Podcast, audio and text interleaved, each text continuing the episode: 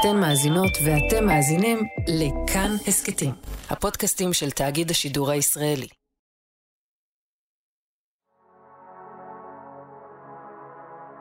אני חושבת שהתשוקה הכי חזקה שהייתה לי בחיים, היא הייתה למוזיקה. שאני אכתוב את השירים שלי ואני אלחין אותם, ואני תמיד ידעתי את זה.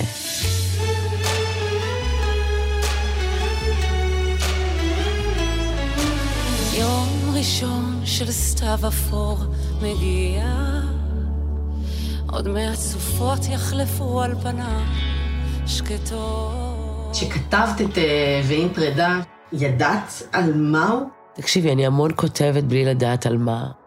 הטקסט מביא את המציאות אליו. אני המון, אה, את יודעת, גם מתיימרת להיות האישה הזאת שאני כותבת עליה.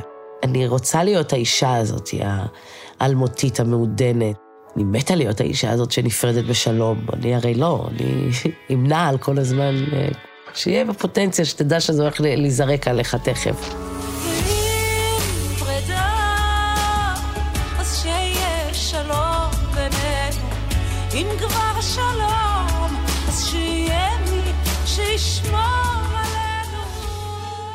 היי, אתם ואתן על שיר אחד, אני מאיה קוסובר, והפעם הסיפור מאחורי ואם פרידה של דקלה.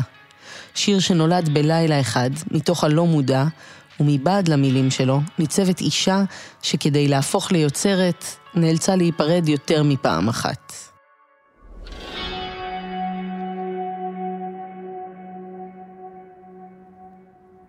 הסיפור הזה מתחיל בבאר שבע של שנות ה-70.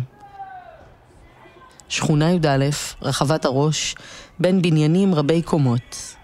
פסח. כל השטיחים של כל הרחבה למטה עם הצינור, שוטפים, ומוזיקה, ושמחים. עולים אה, לז'קלין לאכול קוסקוס, יורדים. ראית איך אה, יפעת עכשיו אה, חזרה, ראית איך היא רבה עם בעלה. אה, זה טוב, תעלי אותה הביתה, בוא נראה מה קרה. המון משפחות, עם המון טעמים, דלתות פתוחות. ילדות מאוד צבעונית, מאוד ססגונית. אני הייתי ספוג. לקחתי מכל קומה uh, את המוסיקה שלה. בקומה אחת התנגנו שירים של פינק פלויד ולהקת ראש. בקומה אחרת עופר לוי ואהובה עוזרי. ובקומה השלישית, בדירה שבה דקלה דורי גדלה, בת רביעית לאימא פרידה ממצרים ואבא סאלח מעיראק, התנגנה מוזיקה מצרית. והמוסיקה ששמעתי אותה לאורך כל היום וכל הלילה, מהחלונות ומהבתים, נתנה לי את ההשראה הכי גדולה ואת, ה... ואת המוזה. הילדה דקלה מתאהבת בצלילים, ובגיל 12 בערך כותבת שיר ראשון. היא קוראת לו סדום ועמורה. לעולם לא עניין אותי שמלות מלמלות, או איזה להיות הילדה הקונבנציונלית. תראי, אני באתי מאוד מאוד זקנה. תמיד אבל זה היה ברקע, שדקלה היא משוטטת ברחובות וכותבת סיפורים ותוהה על, החיים. זאת אומרת, אנחנו באים עם נטיות מסוימות, וההורים, הסביבה, או שמקצינים את זה, או שמסרסים את זה. ואני באתי עם מוסיקה. הוריי לא נתנו לזה בכלל אה, גושפנקה. בכלל לא התייחסו לזה. האילמות לנושא הזה שלי כאחת שרוצה ליצור ולצאת מה, מהמדבר ו, ולחיות אה, חיי אמנית, כנראה עשה בי שמות. גם לא היה משא ומתן, זה היה פשוט אילמות לחלוטין. אין, אה, אין בכלל, אין אופציה. אין, אין, אין מציאות כזאת, אין עולם כזה. אבא של דקלה, סאלח, עבד כמזכיר קופת חולים ברהט. כפר ערבי, כל יום בארבע הוא היה חוזר הביתה, 30 שנה. הוא בכלל המציא את השם רהט. הוא היה די מעורב בחברה הבדואית דאז, משפחת אלגרנאווי וכל השבטים. עד גיל תשע הוא היה בחדר, בעיראק. זאת אומרת, הוא די ניזון מהתורה ומהקוראן. די הדוק. במיוחד לכבוד של הילדה, של האישה במשפחה. אני גדלתי על זה שאבא שלי היה חוזר והיה נותן לי ציטטות מאיך משפחת אלגרנאווי מתייחסת לבנות שלה. ומה היו עושים לי אם אני הייתי אחת ממשפחת אלגרנאווי. הידיעה הזאת שהבת שלו רוצה להיות אה, זמרת, או...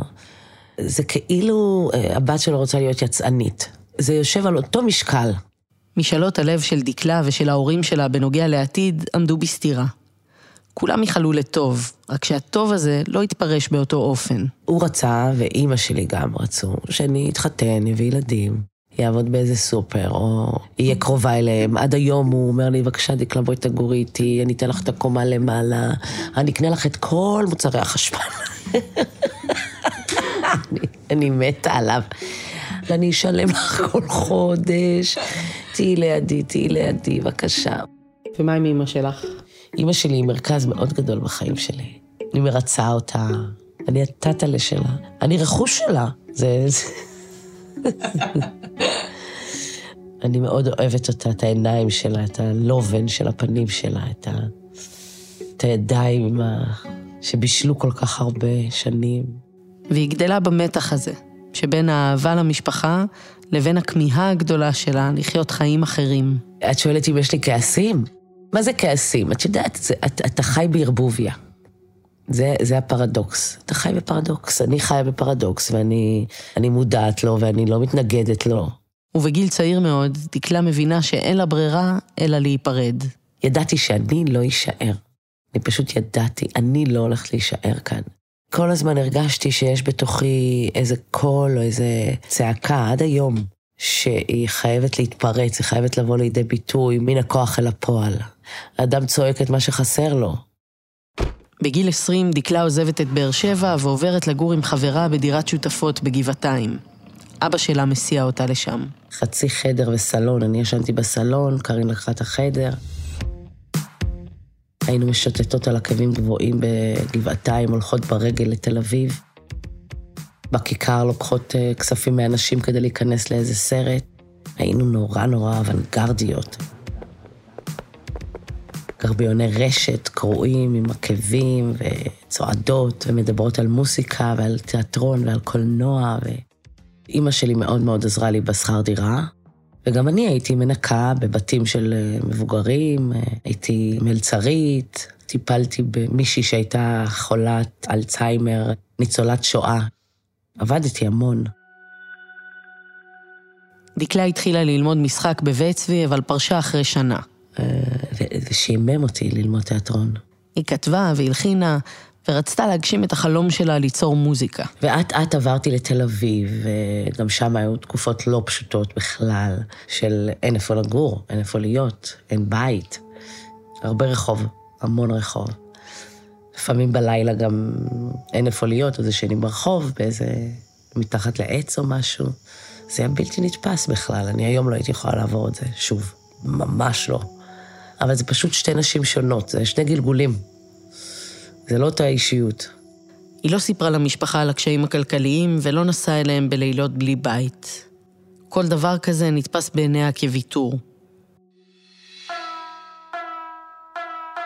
באמצע שנות ה-90 היא הכירה מוזיקאי שבדיוק התחיל להפיק. אני רן שם טוב, מנכ"ל אה, להקת עיזבו.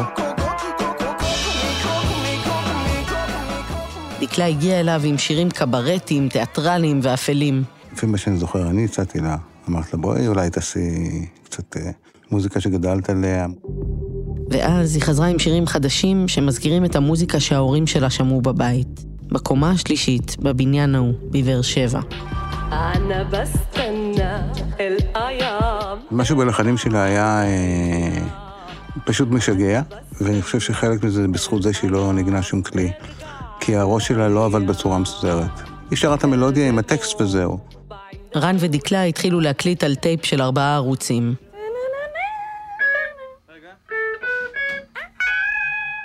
את הדיסק עם הסקיצות שיצרו, הם הניחו במעטפה חומה בתיבת הדואר של אורלי סדובניק מעד ארצי.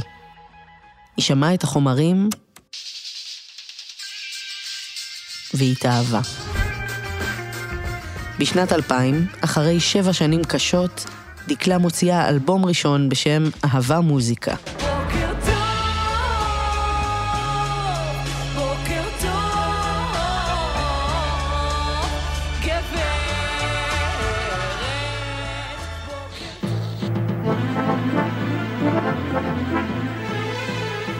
זמרת חדשה, כוכבת באופק, דקלה שמה, ובן שני יצא לראות כיצד בונים כוכב או כוכבת. בידו לכל אלה שלא היה להם לילה.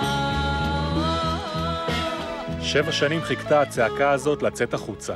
שבע שנים חיפשה את התמהיל. הוא הגיע בהנחייתו של המפיק המוסיקלי, שילוב של אום כולתום וגיטרות משנות ה-70. להיט שנפל לרדיו בדיוק בזמן המתאים. בחברת התקליטים מלקקים את האצבעות, בטוחים שיש להם ביד קלף חזק.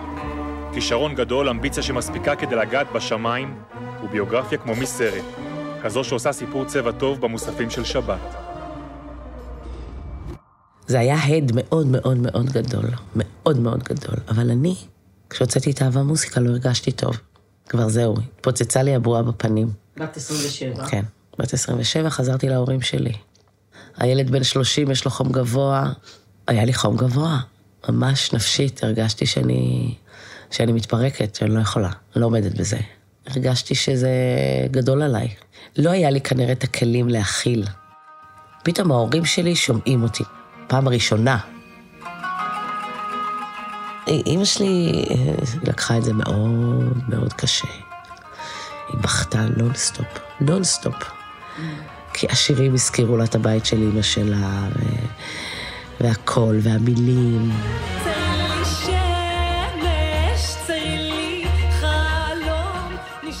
והריח של האלבום הזה, וה... והצלילים, זה... וזה הבת שלה, היא לא ידעה, היא לא הכירה. ובימים ההם, אחרי שהאלבום יצא, דקלה הרגישה שהיא לא יכולה להישאר בתל אביב. הרגשתי שאני לא, לא שייכת. אני לא יודעת בכלל מה קורה סביבי. זאת אומרת, המון אה, דברים רגשיים, עמוקים, חזקים, צפו. אני התפרקתי. נסעתי להורים שלי איזה שלושה, ארבעה חודשים, חייתי שם. חזרתי להיות ילדה. פתאום אני כבר לא נלחמת ברוחות ובשדים, ו- וזהו. אני, אני עכשיו ילדה, ואני זקוקה לכם.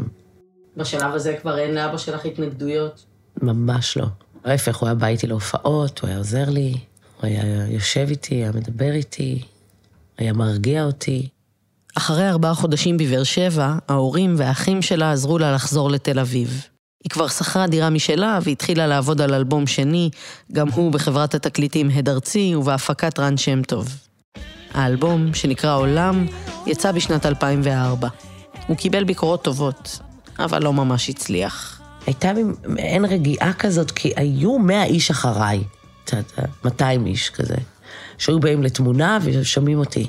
וזה נתן לי את כל הכוח שבעולם, זה הספיק לי כדי לשרוד את זה. חברת התקליטים הד ארצי, שבה דקלה הקליטה את שני האלבומים הראשונים שלה, נקלעה לקשיים כלכליים ונמכרה ל-NMC. את האלבום השלישי היא הוציאה בחברת תקליטים קטנה בשם פונוקול, והוא נקרא ארלוזרוב 38.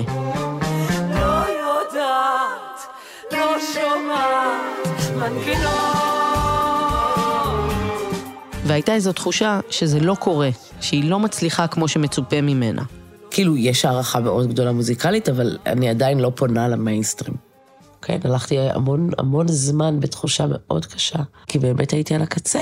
הייתי יושבת בבית ורואה בימי זיכרון, ביום העצמאות, הייתי רואה את כל הגוורדיה הישראלית, בטקסים, ואתה יודע, אנשים שיצאו מכוכב נולד, שתי דקות, לא כתבו מילה בחיים שלהם, ופתאום מקבלים אה, זמן מסך, ואני בכלל לא, אחרי שלושה אלבומים, ככותבת. זה היה בלתי נתפס עבורי. אני הייתי נחלשת כל כך בימים האלה. ו... ולא הבנתי וכעסתי נורא. יום אחד היא הלכה עם חבר טוב בשדרות בן גוריון בתל אביב. וסתם שרתי לו את זה כזה. טה-רה-רה-רה, גרדיאמו, מונו, מו, עשיתי מונו. גרדיאמו, סתם ג'יברשתי, הוא אומר לי, מה זה? אמרתי לו, סתם, זה שיר הספונג'ה, כאילו, סתם, וזה, הוא אומר לי, דקלה, זה, אני רוצה אותו. החבר הזה הוא שלומי סרנגה. ואז נתתי לו. הוא לקח אותו לגיספן.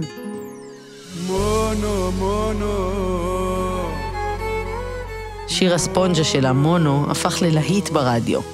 ומאז התחלתי לכתוב לאחרים, גם. מאהבה אני נמלט. כן, זה עשה לי טוב, זה עשה לי כיף. אבל החיים היו יותר חזקים מזה. ההישרדות, היום-יום, האוכל, ה... יש כלכלה לקנות פיצוחים ויש כלכלה לקנות אה, בשר. אני הייתי בפיצוחים, וכן, ההישרדות הייתה מאוד קשה. לילה אחד דקלה מדברת בטלפון. בצד השני של הקו, מוזיקאי צעיר ומוכשר. אהלן, אה, קוראים לי עידו, עידו אוחיון. דקלה הכירה אותו מהדרום. הוא גדל במיתר, היה לו אולפן בבית, והוא עבד עם אח שלה. הוא אמר לי, אני פה בתל אביב, יש לי אולפן, ותבואי, מאמי, וזה, נבוא נעשה מוזיקה, מה אכפת לנו, וזה, אמרתי לו, יאללה, בכיף. קודם כל, היא באמת מטורפת, מדהימה, הכרתי אותה כאילו עוד לפני כמובן, וממש רציתי כאילו לעבוד איתה. הלכתי אליו, והתחלנו, התחלנו ליצור. וכתבנו את מה שהיה היה למאיה בוסקילה.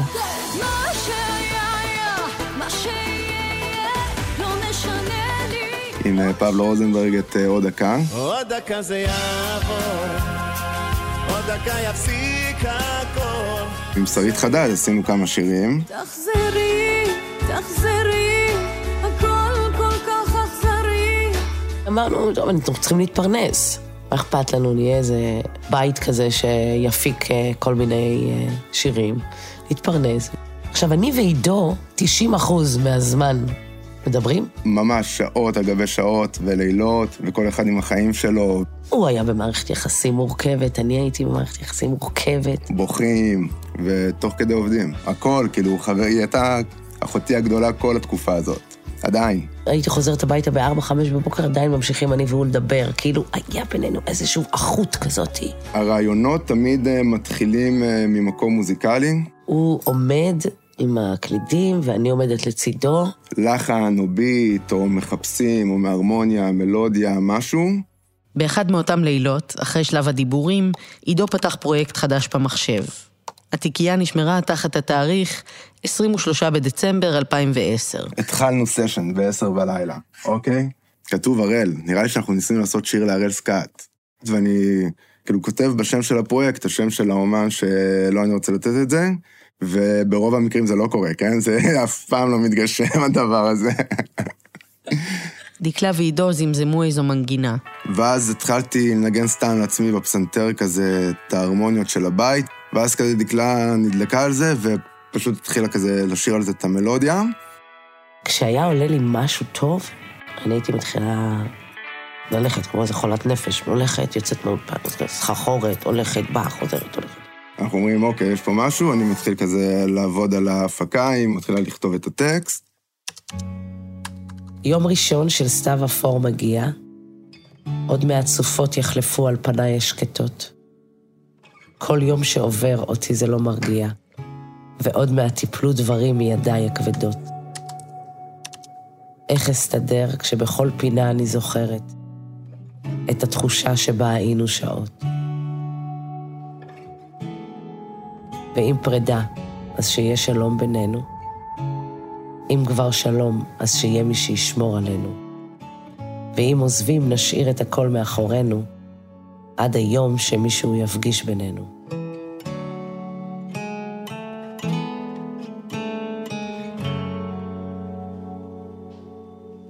אני חושב שזה שישבנו כל כך הרבה שעות, והרבה מהחיים האישיים נכנס לתוך הסשן, אז באופן טבעי גם יצקנו את זה בתוך השירים. כשאני כותבת, אני לא מתייחסת לזה. הדברים באמת יוצאים מהתת-מודע, ואחרי זה הם מקבלים את המשמעות שלהם. באולפן של עידו בתל אביב, השעה היא 11 בלילה, ויש לו ולדקלה שיר חדש. הם ממשיכים לעבוד עליו, ובשתיים לפנות בוקר, זמרת אחרת נכנסת לאולפן ומקליטה ערוץ שירה.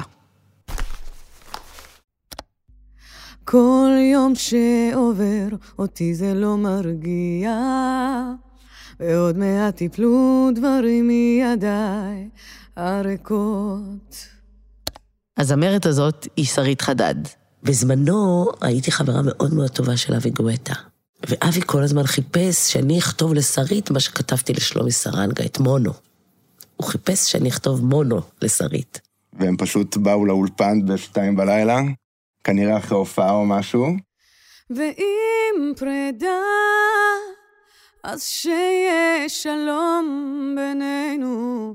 אם כבר שלום, אז שיהיה מי שישמור עלינו. ואם עוזבים, נשאיר את הכל מאחורינו, עד היום שמשהו יפגיש בינינו.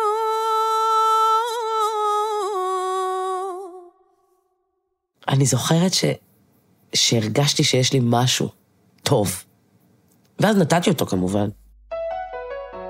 ערוצים אה, מספרים סיפור. מה שקורה פה בשלוש ורבע, כנראה שהם הלכו. הנה טק אחרון ב-2.50, בשלוש ורבע יש פה אקספורט עם הסקיצה של אה, שרית. יום ראשון של סתיו אפור מגיע, עוד מעט... ובחמש וחצי, יש הורדה חמש וחצי בבוקר, אה, עם סקיצה של דקלה. היא הקליטה גם סקיצה של השיר. עכשיו, בדרך כלל, זה לא משהו שעשינו. הנה, זה, זאת ההורדה של חמש בבוקר, חמש וחצי. כל יום שעובר זה לא מרגיע, ועוד מעט תיפלו דברים מידיי הריקות. הסקיצות נשמרו במחשב, ועם אור ראשון של בוקר הם עזבו את האולפן. וזה לא שאני גמור עכשיו הולך, אני רץ למיטה. סיימתי את יום העבודה שלי, אני מגיע הביתה, יושב בסלון, הולך לישון כאילו בשבע, שמונה, קמים בשתיים, שלוש, ואז היו עוד סשנים, או איתה או עם אנשים אחרים, מתחיל את היום בארבע, חמש, ככה היינו חיים. כמה חודשים מאוחר יותר, במשרדים של חברת התקליטים הליקון, יושב מנהל ומחפש את הפרויקט הבא. קוראים לי רוני בראון, ואני אוהב מוזיקה. ויחד איתו יושב עורך מוזיקלי שהשתחרר מגל"צ ובא לעבוד במחלקת הרפרטואר, איליה שפירו. הוא פשוט איש מבריק ובאמת גאון. הוא שאל אותי, מה עם דקלה? רוני חשב רגע, ונזכר בפעם הראשונה שהוא שמע את השיר שלה "בוקר טוב". יש שירים בודדים בעולם שכשאני פתאום שומע באוטו או משהו, אני עוצר את האוטו בצד כי אני צריך לרגע להתעשת.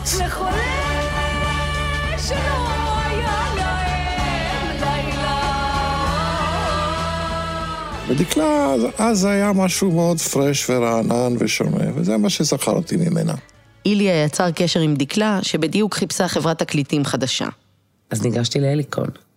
אז קבעתי פגישה עם רוני בראון, והייתה לי ולא שיחה. הוא עם הסיגר, צוחקים, ומה איתי, מה הוא חושב עליי, מה אני חושבת אה, על החיים, מה קורה עם המוזיקה. השמעתי לו כמה דברים, לא השמעתי לו את ועם פרידה. כי ועם פרידה לא היה אצלי, הוא היה אצל אבי.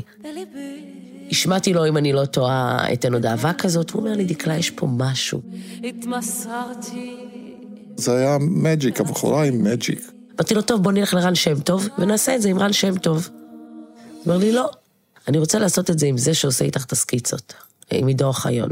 עידו אוחיון בחיים שלו לא עשה אלבום עם אף אחד, לא הוציא סינגל. אמרתי לו, אני יותר מאשמח. אז אמרתי לעצמי, אמרתי, תשמע, זה הגיע אליך וזה לא במקרה. לא מאמין ב... אני לא פטליסט במובן הזה, אני אומר, זה בא בשביל סיבה. הוא התחיל להיפגש עם דקלה ועידו, במחשבה שהוא צריך לצוות להם אדם נוסף. ובלי לשים לב, זאת אומרת, תוך כדי שמחפשים מישהו, מצאתי את עצמי כאילו באמצע תהליך של הפקה. לסדר מבנים של שירים, אתה יודע, את האלף-בית של production. פה לחתוך, פה להוסיף, פה, פה חסר. לא הפקתי הרבה זמן לפני דקלה. הוא התחבא במשך עשר שנים. הוא היה יושב במשרד, הוא לא, לא אולפנים, לא כלום. ואז אני באתי לו. זה העיר אותו. על זה אני אסיר תודה לה. זאת אומרת שהיא החזירה לי את אותם קצות של עצבים שחשבתי שהם נגדעו. ואם לפעמים היה לי את החשק, חשבתי שזה אולי כאבי פנטום שפעם אהבתי. אבל אה, לא, היא החזירה לי בהחלט את הכיף הזה. היה איזשהו תיקון באולפן, שהוא אמר לי, אני רוצה שתהיי עם גב זקוף. אני רוצה ליישר אותך. הוא כנראה רוצה גם ליישר את עצמו. הוא נורא נפגע מהתעשייה. והוא רצה שאני והוא ננצח. רוני החתים אותם על אלבום בהליקון. המטרה הייתה לשבור את הקיר לעבר הצלחה מסחרית.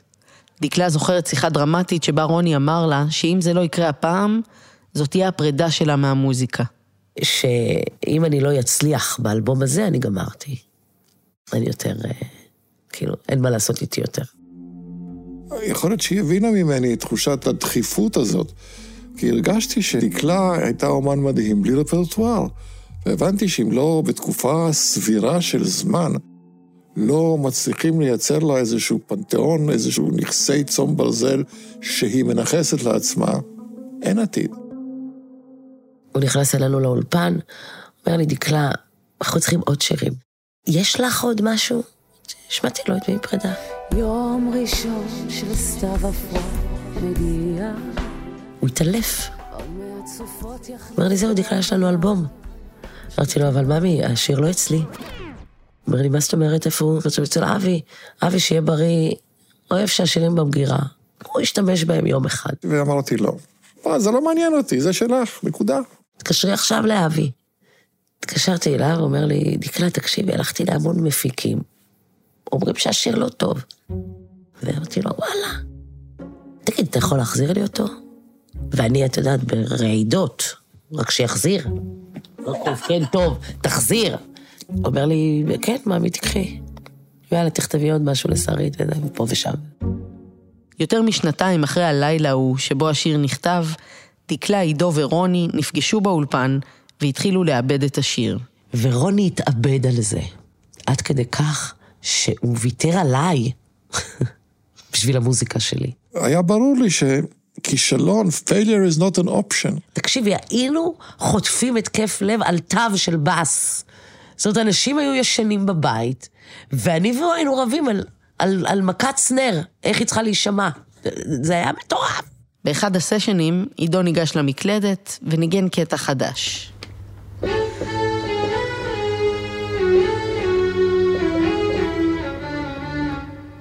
אני זוכרת שעידו עשה את, ה, את הליין הזה. אמרתי, יו, עידו השתפך שמו, הנה יש שכינה. הרעיון שהתגבש לאלבום היה לשלב אלקטרוניקה עם כלים חיים. אביבה אלייב ניגנה בכינור. הליין הזה, כאילו, זה מאוד אה, דורש שהוא יהיה מאלפוף או בלאדי.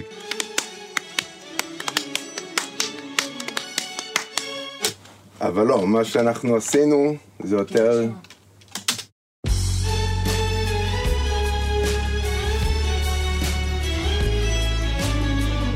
כאילו כל התופים הם בעצם כאלה... קצת היפ-הופ, קצת רוק.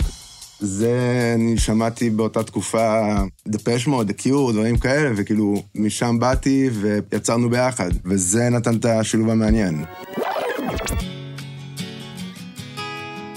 סינגודה מנגן פה אקוסטיות וחשמלית, ויש פה עוד איזה line של חשמלית בסוף, מאוד יפה שהוא עשה.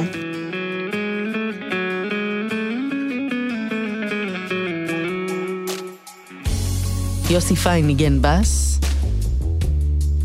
ודקלה שרה.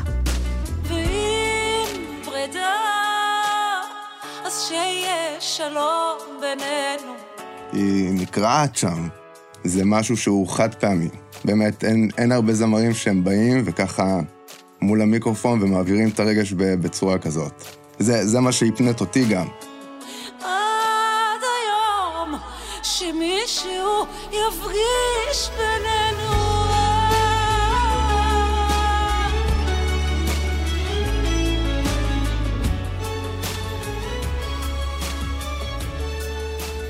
השיר היה מוכן ושוחרר כסינגל. האלבום הרביעי של דקלה יצא ב-2014 ונשא את שם השיר "ועם פרידה". בניגוד לחששות, הוא לא בישר על הפרידה שלה מעולם המוזיקה.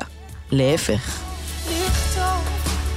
מכתבים ולסרוק אותם בין הצללים. פתאום סולד בברידים, שתה, פעמיים, שלוש, סולדים, סולדים, סולדים. אני פתאום אומרת, יואו.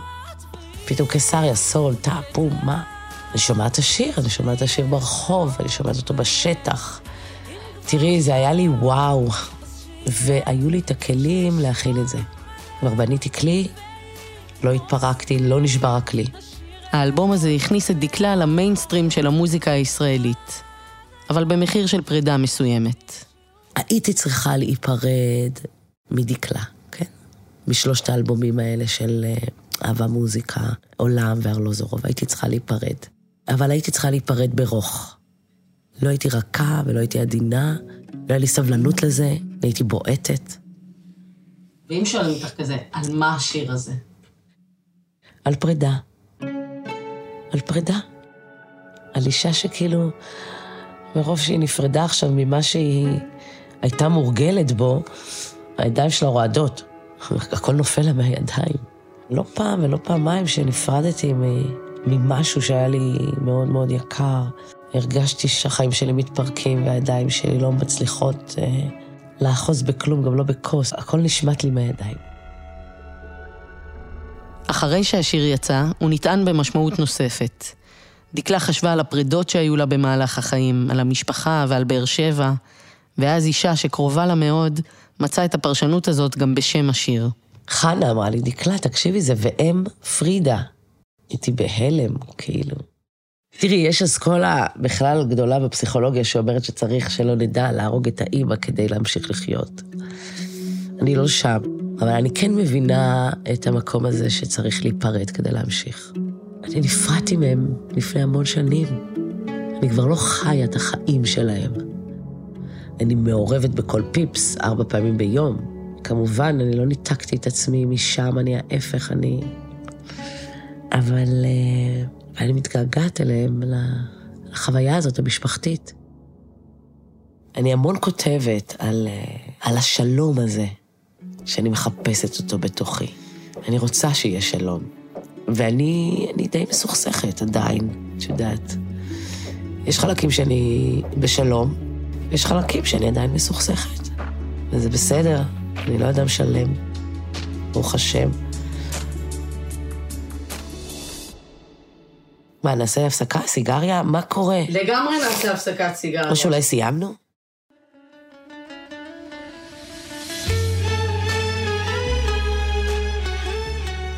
האזנתם והאזנתן לשיר אחד. אני מאיה קוסובר, ואת הפרק הזה יצרתי יחד עם נוגה קליין. ערך אותו איתנו ניר גורלי.